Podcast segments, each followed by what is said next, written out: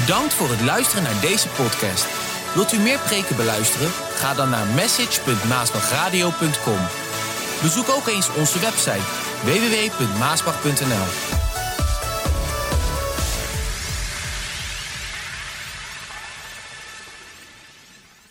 is eenzaam en niet alleen. En we hebben allemaal dat soort momenten. En eenzaamheid kan op heel veel verschillende manieren tot je komen.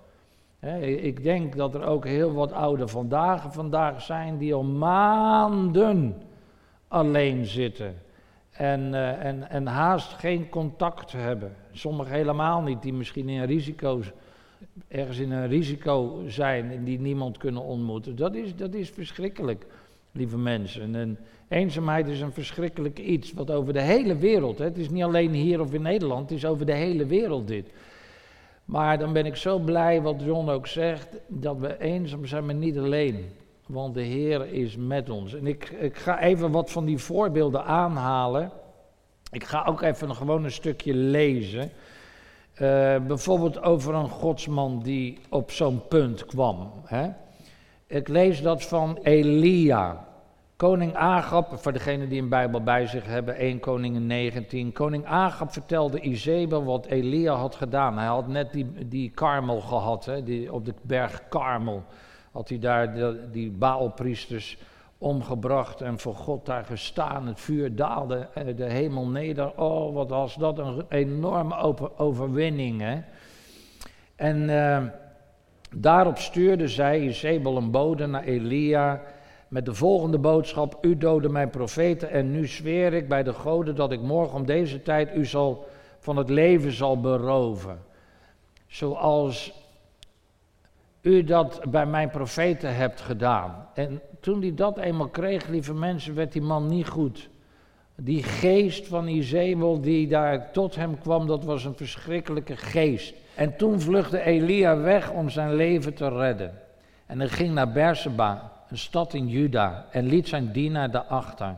En daarna ging hij alleen de woestijn heen. Hij trok de hele dag verder en ging toen onder een braamstruik zitten. En daar bad hij dat hij mocht sterven. hij bad 24 uur eerder stond hij nog uit de hemel vuur te bidden en het vuur kwam uit de hemel, had een geweldige overwinning. En nu, binnen 24 uur, ligt hij onder de bremstruik en dan zegt hij, Heer, neem mijn leven maar, laat mij maar. Dat had een reden, lieve mensen, dat hij tot dat punt daar kwam. Het was wel een godsman, hè, deze man. Hij ging daar onder die bremstruik liggen en daar bad hij of hij mocht sterven. Ik kan niet langer, zegt Elia. Ik kan niet langer, zei hij tegen de Heer. Neem mijn leven. Ik ben niet beter dan mijn voorouders. Hij ging liggen en viel onder de bremstruik in slaap. Maar terwijl hij daar lag te slapen, raakte een engel hem aan en zei tot hem: Sta op en ga iets eten. Hij keek om zich heen en zag hoe op enkele roodgloeiende stenen een brood werd gebakken. En daarnaast stond een kruik met water. Hij at en dronk en viel weer in slaap. De engel van de Heere kwam voor een tweede keer naar hem toe, raakte hem aan en zei: Sta op, eet nog wat, want u hebt nog een lange reis voor de boeg. Hij stond dus op, at en dronk. Dat voedsel gaf hem genoeg om veertig dagen en nachten door te reizen naar de berg Hoor op de berg Gods. Daar zocht hij onderdak in een grot. Maar de Heere zei tegen hem: Wat doe je hier? Nou, luister wat Elia dan zegt. Elia zegt dan tot God: Ik heb met grote ijver gewerkt. Voor de Heer, de God van de hemelse legers. Maar de Israëlieten hebben hun verbond met u verbroken, uw altaar vernield en uw profeten gedood. Luister wat hij zegt. Alleen ik ben nog maar over. Hè, ik ben alleen. Ik ben over en nu willen ze mij ook doden. Dat zei hij tot twee keer toe. Eigenlijk zegt hij daar tegen de Heer, Heer, ik ben helemaal alleen. Ik voel me helemaal eenzaam.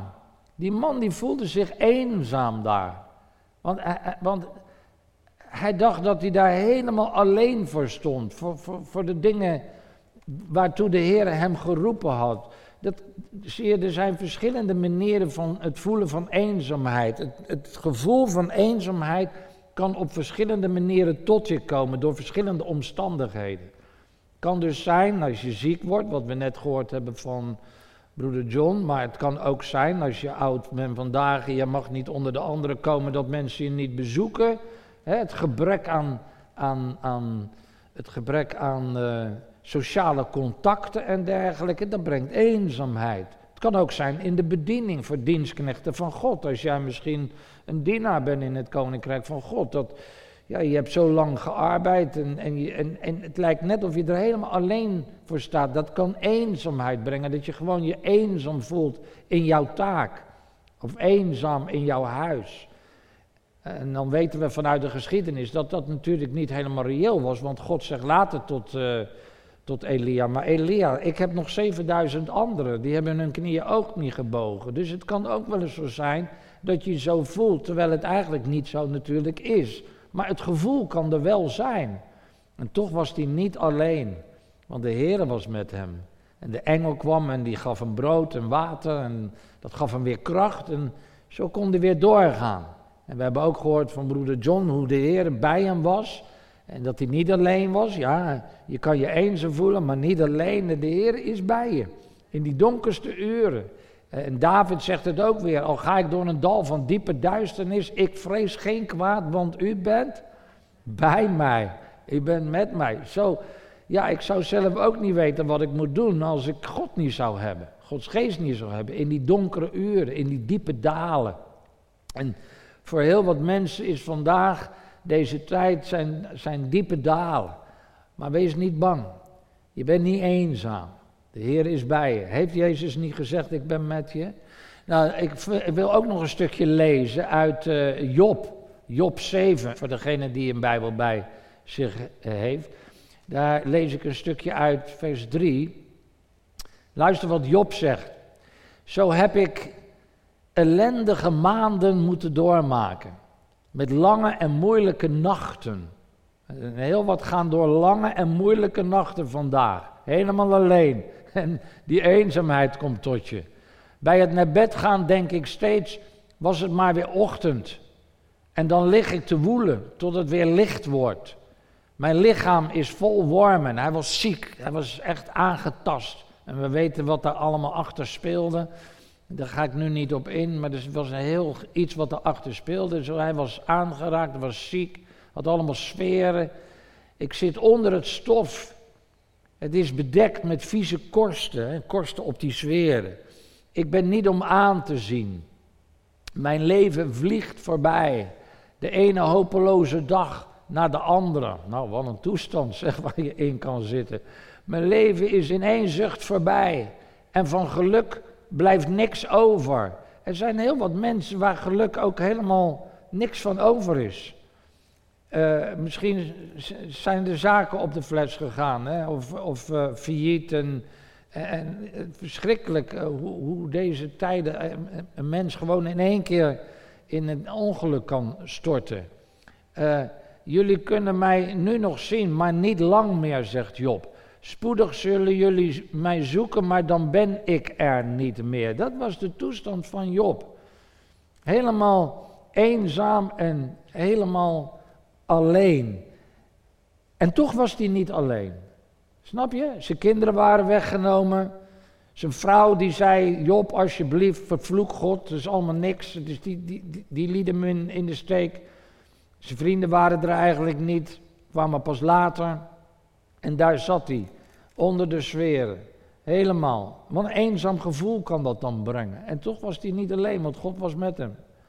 Want de, de boze mocht niet alles doen bij Job wat hij eigenlijk had willen doen. Ik heb nog zo'n verhaal over Abraham. Het zijn allemaal voorbeelden in de Bijbel. Hè? Op dat moment in Genesis 22, op dat moment riep de engel van de Heer uit naar de hemel, Abraham, Abraham. Ik luister, antwoordde Abraham. Leg toch het mes weg en laat die jongen ongemoeid, zei de engel. Ik weet nu dat God de belangrijkste in je leven is. Zoals je je eigen zoon, je enige, van wie je zoveel houdt, mij wilde geven. Abraham die keek rond en zag vlakbij een ram die met zijn horens in de struiken vast zat. In plaats van zijn zoon offerde hij het ram als een brandoffer op het altaar. Abraham noemde die plaats, de Heere voorziet erin. De Heere zal voorzien. En daarom wordt ook nu nog gezegd, op de berg van de Heere zal hij voorzien. En toen sprak de engel van de Heer opnieuw tot Abraham vanuit de hemel.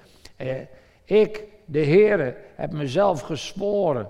En ik heb u en uw nageslacht, die zal ik zegenen. Omdat u mij hebt gehoorzaamd en mij zelfs uw eigen zoon wilde geven. Uw nakomelingen zullen net zo talrijk zijn als de sterren aan de hemel en het zand langs de zee. Zij zullen hun vijanden overwinnen en een zegen zijn voor de volken van de wereld. En dat alles omdat u mij hebt gehoorzaamd. Kijk, ik zat te denken toen ik dit las. Hoe eenzaam moest Abraham zich niet gevoeld hebben toen hij in zijn eentje hout ging sprokkelen om het offer te brengen aan de Heer en met zijn zoon op weg ging naar de berg om daar de Heer het liefste te geven wat hij had. Abraham besprak het niet met zijn vrouw, met niemand. Dat moet een heel eenzaam gevoel hebben gegeven. En dat hij dan nog afscheid gaat nemen van, van zijn allerliefste zoon. Enige die hij daar ook lief had, zijn Isaac-offer zeg maar. Het moet een hele eenzame weg zijn geweest voor Abraham. Maar hij was niet alleen. Want de Heer was met hem. En dat lees je ook. Dat hij dan later zegt, dit verhaal wat ik gelezen heb, Abraham doe je zoon geen kwaad. Want nu weet ik, ik heb het gezien Abraham. Je bent gehoorzaam geweest. Zo, soms ga je door dalen van eenzaamheid. Maar als je weet in de gehoorzaamheid van God te zijn, mag je weten, de Heer is met mij. Ik heb niks te vrezen. Job had dat ook. Hij zegt, doorzoek mij, maar er is niks. Ik weet gewoon dat het goed is tussen God en mij. En zo kan je in een eenzaam moment zijn en die eenzaamheid kan op je vallen en dat gevoel kan bij je zijn. En toch mag mag je weten, ik ben niet alleen. Ik ben niet alleen. De Heer is met mij. Alleen dat voel je niet altijd. Het tegenovergestelde kan je voelen. Je voelt je juist eenzaam. En, en, en, en je hoort niets en je ziet niets. Het tegenovergestelde zie je. En zo zit vandaag heel wat mensenlevens in elkaar. Je, je ziet het niet, je hoort het niet, je bidt je, je hoort niks, je ziet niets en je voelt je zelfs eenzaam. Kijk, en dat is waar de duivel ook komt. Hè? Om je dan eigenlijk over te halen, zodat je zegt, nou ik geloof ook niet meer in God. En dat is wat heel veel doen. Dan keren ze hun rug naar de Heer toe. Maar weet dan, je bent niet alleen. Ook al zie je het niet, ook al hoor je het niet, ook al voel je het niet, ook al is alles tegenstrijdig. De Bijbel zegt, dat is waar je je geloof op moet baseren. Ik, de Heer, ik ben met je. Ik ben altijd met je. Oh, halleluja. Ik wil zo graag dat dat doordringt. En daardoor, door dat geloof dat je weet, de Heer is met mij. Ook al voel ik mij eenzaam. Ook al hoor ik niks. Ook al zie ik niks. Ook al is alles tegenstrijdig om mij heen. En lijkt het allemaal een verloren zaak. Weet dan, geloof dan, de Heere is met mij. Hij is mijn schuilplaats. Hij is mijn vaste burg. Hij is mijn toevlucht in benauwdheid. De Heere zal met mij zijn. En hij zal mij overal door de dalen heen leiden. Ik heb er nog eentje uit Genesis. Dat gaat over Hagar. Abraham die stond de volgende morgen vroeg op. Maakte eten klaar voor onderweg en bond een waterzak op Hagars rug. En zo stuurde hij hun beiden weg. Dat was Hagar met haar zoon Ismaël. Hagar zwierf door de woestijn. Dat was moeder en zoon, weet je wel. Kleine jongen, zo met haar in de woestijn. Nou ja, kleine jongen van Berseba. En wist niet waar zij heen moest. Ze wist niet meer wat ze moest doen. Ze wist niet meer waar ze heen moest. En toen het water op was, legde zij het kind onder een struik en ging zelf een eind verder opzitten. Wat een vreselijke toestand. Ik kan het niet meer aanzien hoe hij sterft, klaagde zij en ze barstte in huilen uit. Luister wat er staat. God hoorde de jongen schreeuwen. En de engel van God riep tegen Hagar vanuit de hemel. En zei: Hagar, wat is er aan de hand? Je moet niet bang zijn. God heeft het huilen van het kind gehoord. Ga naar de jongen toe en troost hem, want ik zal zijn nakomelingen tot een machtig volk maken. En toen opende God haar ogen en zij zag een bron. En zij vulde haar waterzak en gaf het kind te drinken. En God zegende de jongen die in de woestijn van Paran opgroeide en een uitstekende boogschutter werd. En zijn moeder regelde later voor hem een huwelijk met een Egyptische meisje. Zie je, ook bij haar kwam een, op een heel andere manier dan bij Job en, de anderen, maar het kwam tot Ze was alleen met de jongen in de woestijn.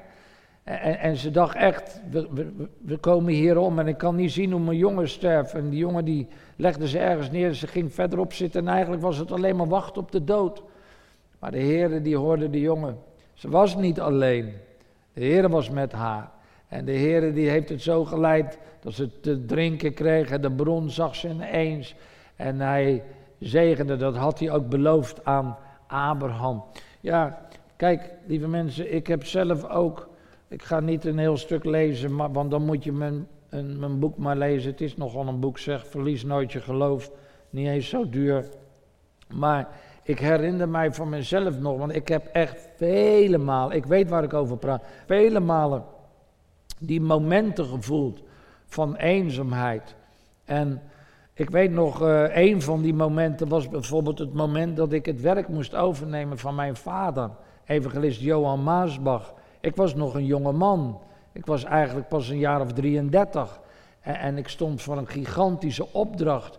Een, een, wereldwijd groot zendingswerk, wat zich ook nog eens een keer in enorme stormen uh, bevond. En ik was vaak, weet je nog, het, de boodschap over het altaar. Ik was vaak bij mijn altaar.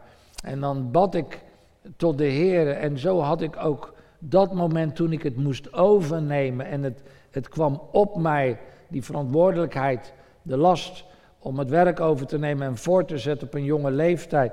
En dan schrijf ik ook ergens in mijn boek, leren alleen verder te gaan. Nou, je mag het hoofdstuk zelf lezen. En dan zeg ik, en als ik terugkijk op de afgelopen jaren, dan zie ik en begrijp ik dat de overname van het leiderschap van het wereldwijde zendingswerk helemaal niet zo eenvoudig is geweest. Er waren momenten dat ik bad, Heere, ik kan dit niet. Als er iemand anders is, laat die ander het maar doen. Maar laat niet mijn wil, maar uw wil gebeuren. Want zie je, ja, dat hoofdstuk gaat eigenlijk over dat je je krukken weg moet doen. Waar je altijd op gewend bent te leunen en te steunen. En zo was het met mijn leven ook. Het was mijn vader die, die, die, was verantwoordelijk. En, en, daar leunde ik op, daar steunde ik op. En ik deed veel, maar ja, als het er eenmaal op aankwam en ik wist het niet meer, ja, dan, dan ging ik naar pa toe en dan zei ik, pap, zo en zo en zo. En dan gaf ik het aan hem over en dan regelde hij dat verder. Toen ik het over ging nemen, eh, moest nemen, toen viel dat weg. En, en, en kwam het op mij neer en kon ik niet meer naar mijn vader gaan. En, en, ik had eigenlijk in die tijd niemand op dat niveau naar wie ik toe kon gaan. Want, want de vrienden waar ik was opgegroeid, eh, de, de Roberts met, met zijn kinderen en uh, Theo Osborne, zo, ja, die waren ver weg. En, en dat waren een beetje het niveau van mijn vader waar ik dan eh, naartoe kon gaan, maar dat ging niet. En zo ik kon alleen maar naar de Heer. En, en, ik voelde me eenzaam als het ging, dat ik, ik kon niet naar mensen. De krukken vielen ook weg, mijn vader viel ook weg. Kijk, en dit is precies waar je in je eenzaamheid heen moet gaan. Dat is precies waar de Heer wil, dat je naar Hem zal gaan en, en niet naar mensen, niet vlees tot steun neemt. Want uiteindelijk heb je niet de mensen nodig, want wat broeder John net ook getuigde, er was niemand die hem eigenlijk verder helpen kon. En zo, hij moest daar doorheen. En uiteindelijk werd hij dan naar het ziekenhuis gebracht. En kon de Heere God uh, het verplegend personeel gebruiken om hem verder te helpen. Maar geestelijk was daar verder niemand. Kon hij alleen maar tot de Heer om de vrede en rust te bewaren in je hart in zulk soort dalen. En dat is wat de Heer eigenlijk wil doen. En daarom ben ik ook zo blij voor dat verplegend personeel. En hebben we daar ook speciaal voor gebeden. Want ik heb een echte hoge achting voor deze mensen. Hè. Hoewel ik ook predik over genezing, eh, maar heb ik zeer hoge achting voor de verplegers en de artsen en een zeer grote waardering. Ik weet bij mij ook nog, ze waren strikt, maar ze waren vriendelijk en behulpzaam. En ook nu weer, ze geven zich ten volle deze mensen. En als de, als de een die, die, die, die verhogingen, die bonus verdient, alsjeblieft, als jij van de regering kijkt, waarom moeten die mensen zo lang wachten op een beloofde bonus? Geef ze die bonus. Ze hebben het dik verdiend ook. Nou, ik hoop dat ik wat amens hier en daar krijg. Maar echt waar. En nu gaan ze daar weer doorheen en geven ze ook onze broeders en zusters. Ze geven zich in de gevarenzone. Waarom? Ze kunnen zich ook opsluiten in een kamer en zeggen: Ja, ik wil er niks mee te maken want ik moet, moet mezelf beschermen. Maar ze geven zich voor hun medemensen. En dat is heel wat waarvoor we mogen bidden: Heer, bescherm ze als ze zich ook geven in hun vak om andere mensen te helpen. Dus alsjeblieft, blijf voor ze bidden. Maar misschien denk jij dat je helemaal alleen bent. En dat niemand je begrijpt. Want dat gebeurt altijd in die momenten van eenzaamheid. Maar luister, Jezus is dichterbij dan jouw handen en voeten. Ook als jij je eenzaam voelt. Ook als daar niemand om je heen is en je zit midden in dat dal van diepe duisternis waar je misschien nu doorheen gaat. Maar misschien ben je wel daar op zo'n fase. En, en zit je in dat dal van duisternis en je weet gewoon niet meer wat je moet doen. De Heer Jezus is ook zo'n voorbeeld uh, in ons leven. Lees het maar. Hij was vaak alleen. Alleen op de berg. Overdag was hij altijd bezig met het werk van de Heer. Uh, en, en, dat doet me een beetje aan mij denken ook dat ik altijd overdag bezig ben met de dingen van de Heer. En heb ik geen tijd eigenlijk om, om te bidden. Daarom doe ik dat ook s'nachts. En kan ik de Heer Jezus heel goed begrijpen dat hij s'nachts de eenzaamheid inging. En dan praten die bij de Heer. Vandaar dat ik je ook zeg, zorg dat je een altaar hebt waar je kan praten met de Heer. Zo hij was vaak in de eenzaamheid, maar de Vader was met hem. Oh, halleluja, de Vader was met hem. En, en, en dan doet mij dat nog denken, hè, dat wij eenzaam kunnen zijn, maar de Heer is altijd met ons. Maar bij Jezus was er een moment dat hij zelfs aan het kruis hing en dat hij zegt, papa, waarom hebt u mij verlaten? Oh, oh, oh, oh, oh. Er was helemaal niemand meer. Helemaal niemand meer. En daarom is hij er allemaal alleen doorheen gegaan. En heeft het helemaal tot het einde volbracht. Totdat hij kon zeggen, het is volbracht. Oh, wat ben ik blij dat hij doorgezet heeft tot het einde toe, lieve mensen. En daarom is de Heer ook met mij. En dat is eigenlijk, denk ik, ons groot geheim. Dat de Heer met ons is. Ik voelde me vaak alleen, maar nooit eenzaam. En waarom heb ik me eigenlijk nooit eenzaam gevoeld? Want dat is een goede vraag. Waarom heb ik mij nooit eenzaam gevoeld? Want dat kan je vragen. Waarom, David, heb mij nooit eenzaam gevoeld? Het antwoord is vanwege mijn sterke en liefdevolle relatie met mijn hemelse Vader. Hoor je dit?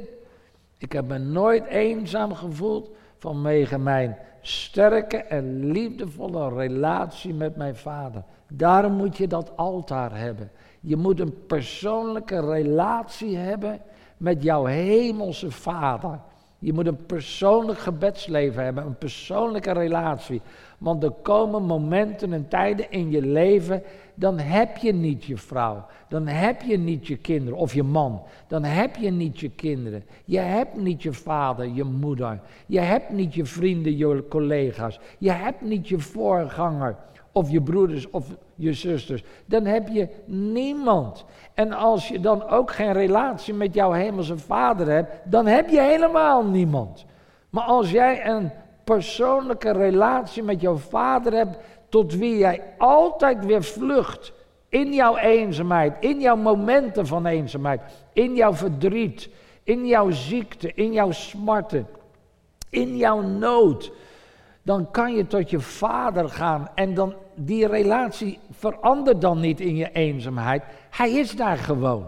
En je praat met hem. Je praat met hem op de bergtop, maar je praat ook met hem door de dalen heen. En dan is hij gewoon daar altijd in jouw leven. Ik heb een hele mooie quote. Een liefdevolle en sterke relatie met de Hemelse Vader is het geneesmiddel tegen eenzaamheid. Hoor je dat? Een, een liefdevolle en sterke relatie met jouw Hemelse Vader is jouw geneesmiddel tegen eenzaamheid. Ook vandaag. Jezus zegt het zo in Matthäus 28. Hij zegt: En vergeet dit niet, ik ben altijd met jou tot het einde van de tijd. En luister, daar heb ik me altijd aan vastgehouden. Of ik het nou voel of niet voel. Als ik het nou zie of niet zie. Of ik het dan hoor of niet hoor. Al is alles tegenstrijdig. Al voel ik me nog zo eenzaam. Jezus heeft mij beloofd. En het staat in zijn woord. Ik kan het keer op keer opslaan. Jezus heeft gezegd: David, ik ben met jou. Of je het nou ziet of niet, ik ben met jou. Of je het nou voelt of niet, ik ben met jou tot de voleinding van deze wereld. Hij is er altijd geweest.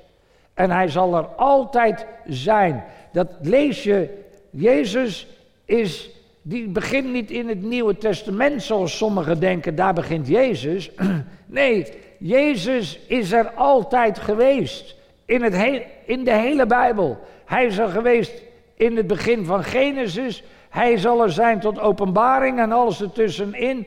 Jezus, die is, die was en die komen zal, hij is altijd geweest. En ik heb hier een hele mooie boodschap over gebracht.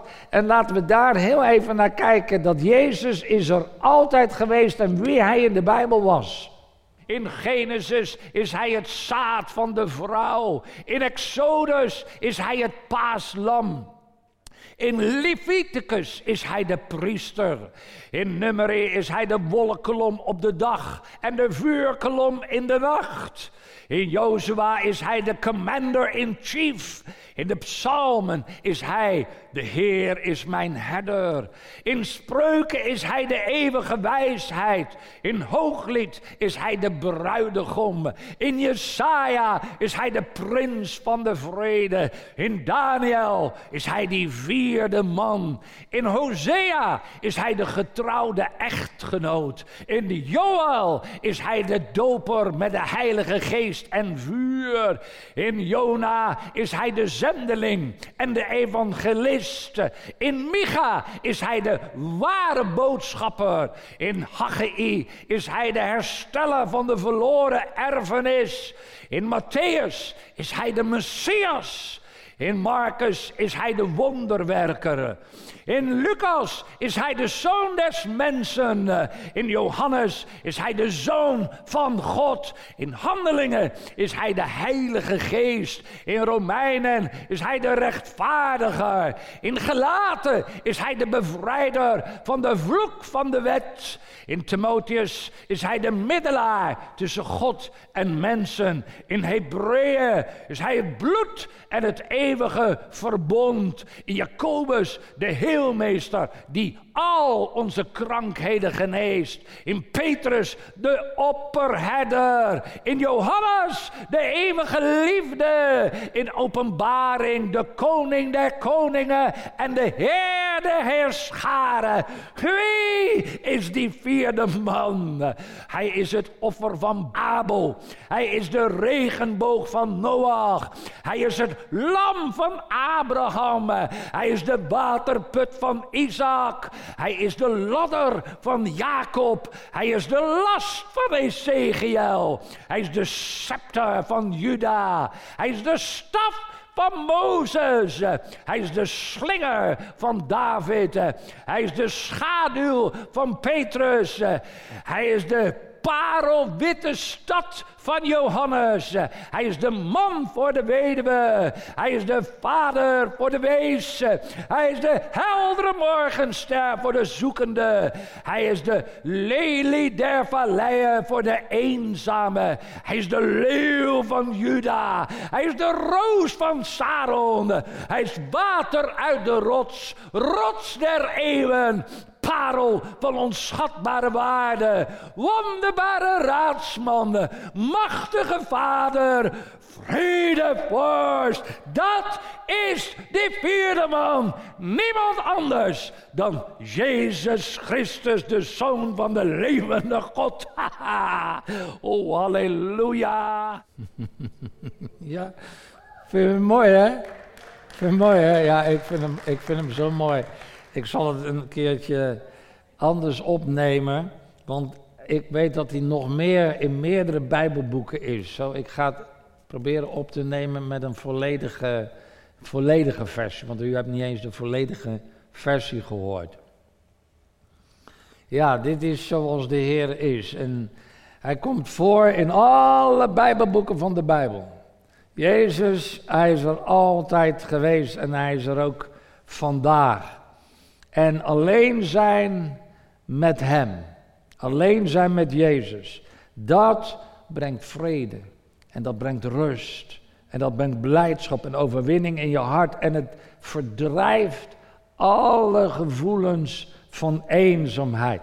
Nou, dat betekent niet dat je niemand nodig hebt. Want sommigen slaan dan weer die kant op. Ja, ik heb niemand nodig, want ik heb Jezus. En dat je je bijvoorbeeld, want zo ver gaan sommigen ook, terugtrekt in een klooster. Want je hebt helemaal niemand nodig. Nee, in tegendeel, want dat deed Jezus ook niet. Hij strekte zich juist uit naar de mensen in nood en hij vertoefde onder de mensen. En luister, dat is precies wat wij vandaag ook moeten doen. Ook in deze hele uh, coronastorm. We kunnen ons niet opsluiten. het werk moet voorwaarts. Met alle voorzichtigheid en protocollen die we hebben. We doen het allemaal zo goed mogelijk. Natuurlijk nooit goed genoeg, maar we doen het zo goed mogelijk en secuur mogelijk.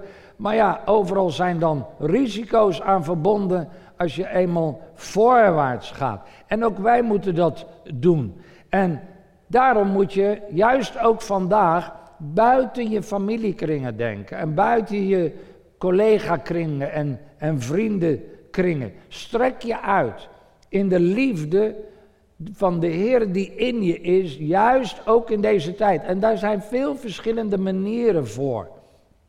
met het kerstnummer Nieuw Leven kan je langs deuren gaan.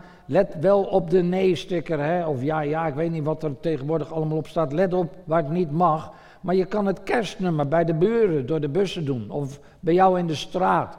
Uh, maak gebruik van die geweldige aanzichtkaart, wat we net ook hebben gehoord op de Blessing Nieuws. Zodat mensen kijken op die kerstavond. Waar moeten de mensen anders heen? Naar de kerken kan naast niet, naar de mis ook niet. Uh, zo, waar, hoe dan anders? Maak dan gebruik. Doe dus iets. Trek je uit. Doe iets in die tijd dat je misschien weinig kan doen, maar doe iets. En zo'n aanzichtkaart, ja, je bestelt zo'n postzegel, zo'n kerstpostzegel. En, en je plakt die op en je nodigt mensen uit. Daarom is die aanzichtkaart ook zo gemaakt. En dan nodig je ze uit om te kijken naar de livestream. En de rest laat je aan de Heer over. Zo strek je wel uit.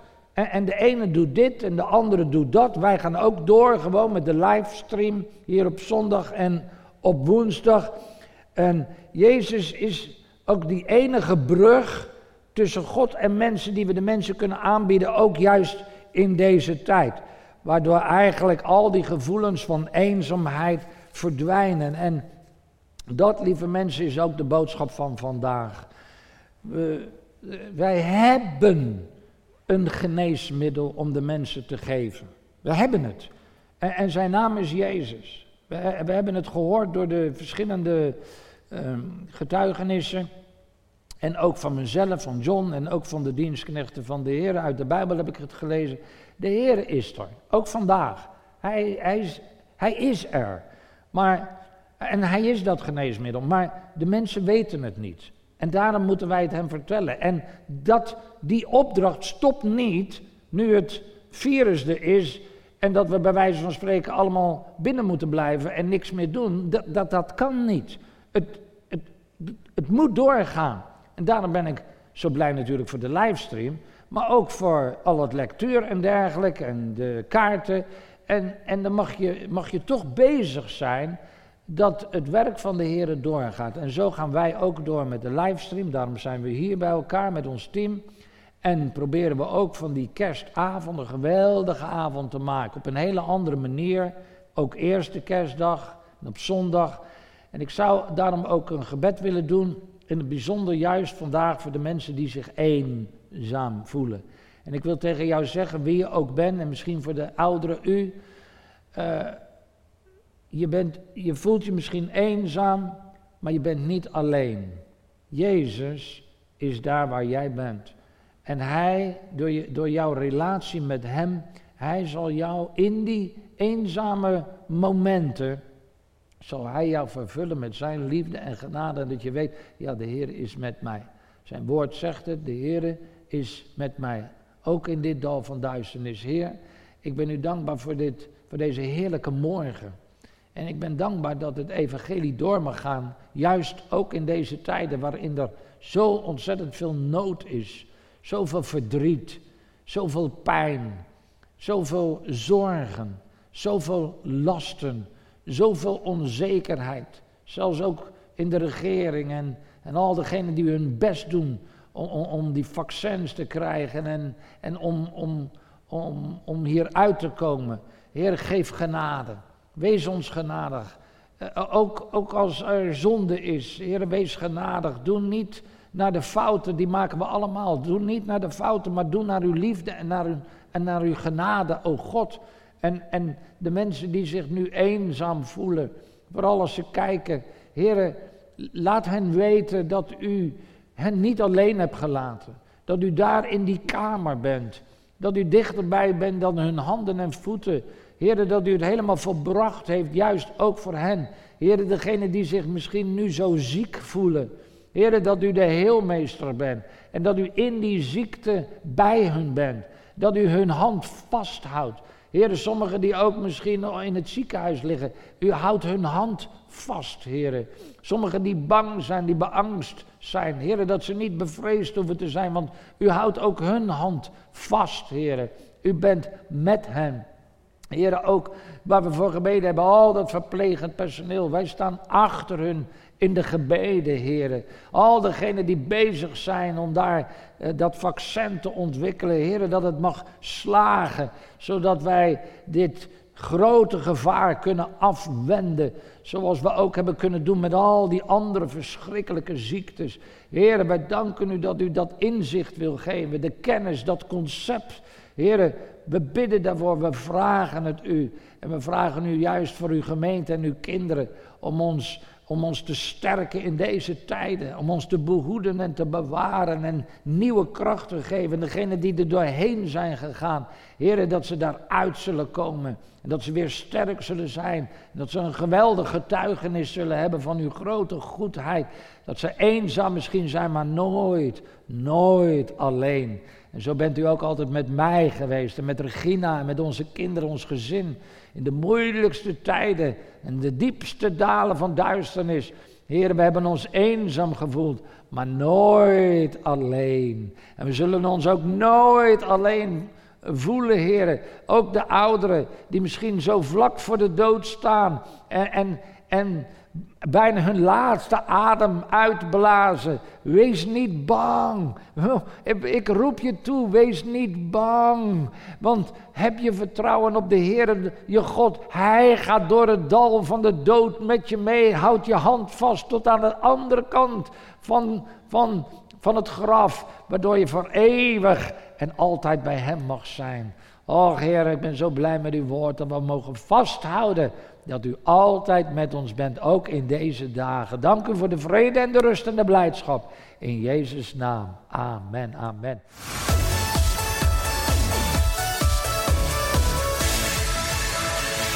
Fijn dat u luistert naar de podcast van David Maasbach.